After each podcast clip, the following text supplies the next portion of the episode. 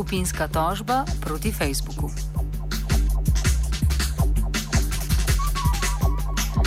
Aktivistična kampanja Europe vs. Facebook, kateri se je v tednu dni pridružilo že več kot 12 tisoč uporabnikov omenjenega socialnega omrežja, je sprožila tožbo, v kateri zahtevajo spoštovanje evropske zakonodaje varovanja osebnih podatkov. Za tožbo in celotno kampanjo stoji avstrijski aktivist Max Schrems, ki je že pred leti od Facebooka zahteval, da mu izročijo vse podatke, ki so jih o njem zbrali v treh letih uporabe omrežja. Seveda na začetku iz strani podjetja ni bilo odgovora, vendar je po preučitvi irske zakonodaje le dosegel, da so mu predali 1200 strani podatkov o njem. Zadeva je v javnosti precej odmevala, zapustila pa ni zgolj novinarjev in blogerjev, temveč tudi upravitelje omrežja, saj je zahtevo za upogled v shranjene podatke zahtevalo na tisoče uporabnikov. Takrat se je oblikovala tudi sama kampanja Evropa proti Facebooku.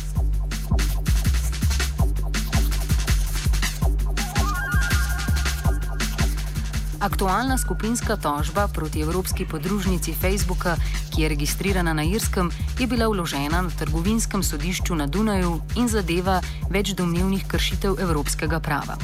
Med drugim se učita odsotnost učinkovitega soglasja za številne vrste uporabe podatkov, izdajanje osebnih podatkov Ameriški nacionalni agenciji za varnost, spremljanje in analiza uporabnikov prek tako imenovanih sistemov masovnih podatkov in nepooblaščeno prenašanje uporabniških podatkov za zunanje uporabo.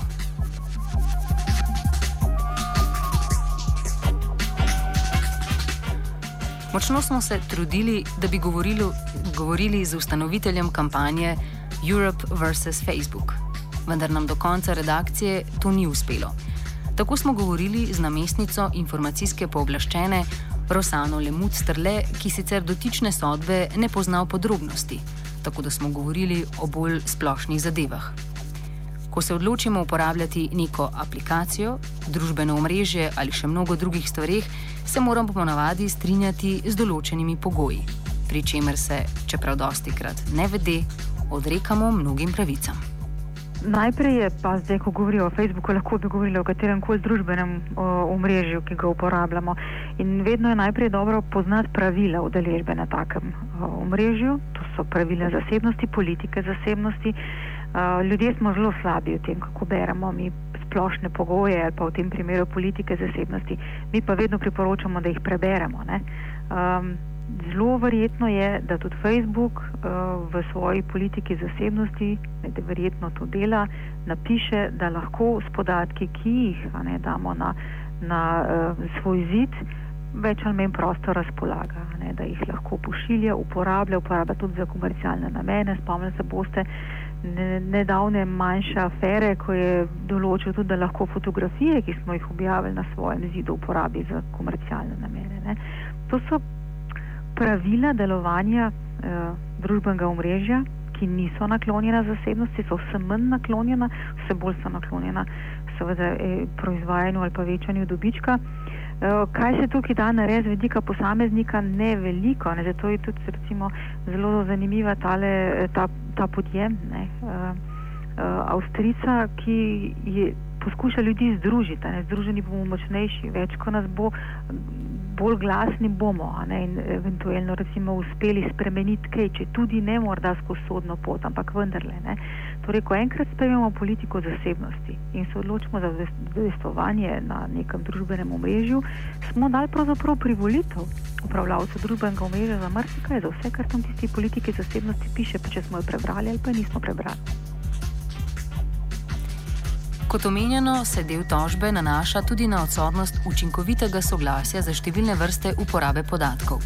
V praksi to pomeni, da so v začetku uporabe vse opcije, ki se tičejo neomejenega razpolaganja z osebnimi podatki, pokljukane in si lahko šele naknadno urediš profil, ki tega ne bi več dovoljeval. Kot trdijo pri Evropa proti Facebooku, je to po evropskih zakonih nelegalno. Več Rosana Lemut-Strle.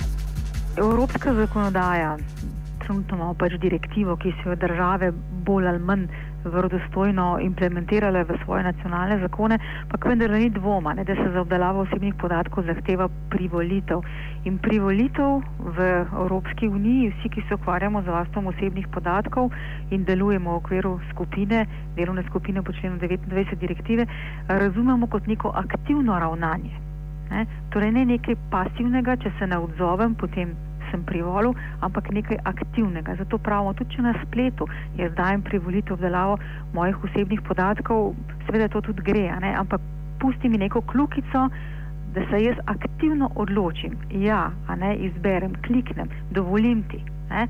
Um, ne pa obratno, kot sicer zdaj velja v večini primerov, da se v izhodišču moje osebne podatke obdelujejo takoj, ko se pridružim nekemu um, družbenemu omrežju, lahko pa naknadno in z nekaj več napora uh, se odločim in obtiram avta, ne, torej prekličem svojo privolitev v določenem delu. V celoti seveda ne bom mogla preklicati, če bom hotela biti aktivna na tem družbenem omrežju, ampak recimo lahko bom zaprla moj zid, moj profil uh, za določene uporabnike. Ne, tako da bo vidno tisto, kar bom objavila relativno manjšemu krogu ljudi, ki bo pa še vedno pravzaprav ne tako zelo ozek. Ne. Še vedno je vprašanje, to, kdaj gre tukaj za osebno rabo ne, in kdaj ta osebna raba presežena in bi tudi posameznik lahko postal upravljavc. Ne.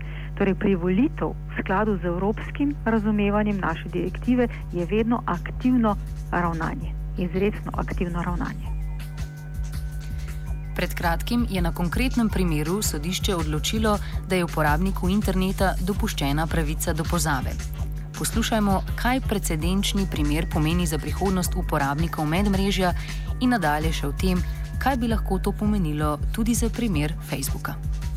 Sodišče Evropske unije se je v tem primeru postavilo na stališče, da so iskalniki upravljavci osebnih podatkov. To je zelo pomembno. Ne?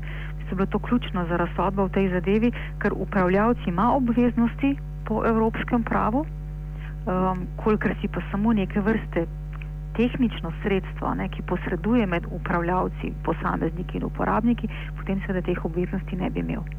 Eh, sodišče je reklo, ja, iskalniki so upravljavci z vsemi obveznosti, med drugim tudi z obveznostjo, da se odzovejo na zahtevo posameznika po izbrisu podatkov. Sedaj pa to ni tako zelo enostavno. Ne. Sodišče je tudi v sodbi napisalo, da to ne pomeni, da bom jaz lahko iz neke kaprice kadarkoli zahtevala izbris mojih podatkov in to tudi dosegla. Uh, iskalniki morajo vedno tehtati med pravico do svobode izražanja na eni strani in pravico posameznika do zasebnosti. To je nek večji konflikt in v bistvu je, ni rešljiv za vse primere na enak način. Tudi v primerih, ko bodo iskalniki oziroma so iskalniki po tej sodbi zavezani umakniti na mojo zahtevo določene moje osebne podatke, so dolžni hkrati pretehtati, ali glede teh mojih osebnih podatkov, glede na to, kdo sem jaz, sem zdaj javna oseba, relativno, absolutno javna oseba, kaj je bilo objavljeno, ali glede teh podatkov torej pretehta pravica svobode izražanja in je prav, da javnost to še naprej gleda, ali so res tisti moji osebni podatki v najbolj oskem osnovnem pomenu in jih bodo zbrisali. Torej, del tožbe se tiče tudi tega, da se informacije, ki so naložene na zid profila, tudi ko so na zahtevo uporabnika izbrisane, še vedno nekje v obtoku. Ali bi se torej lahko tudi Facebook, podobno kot Google, tretiral kot upravljalec podatkov?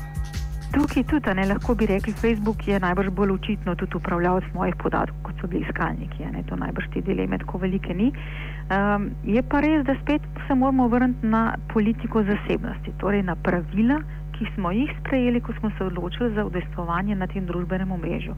Kaj je Google rekel, kaj bo storil v primeru, ko bom jaz recimo fotografijo, ki sem jo danes obesla, ne potem čez tri dni izbrisala. Ali je rekel, da bo potem prenehal uporabljati, ali nič rekel, ali je rekel, da lahko še vedno uporablja.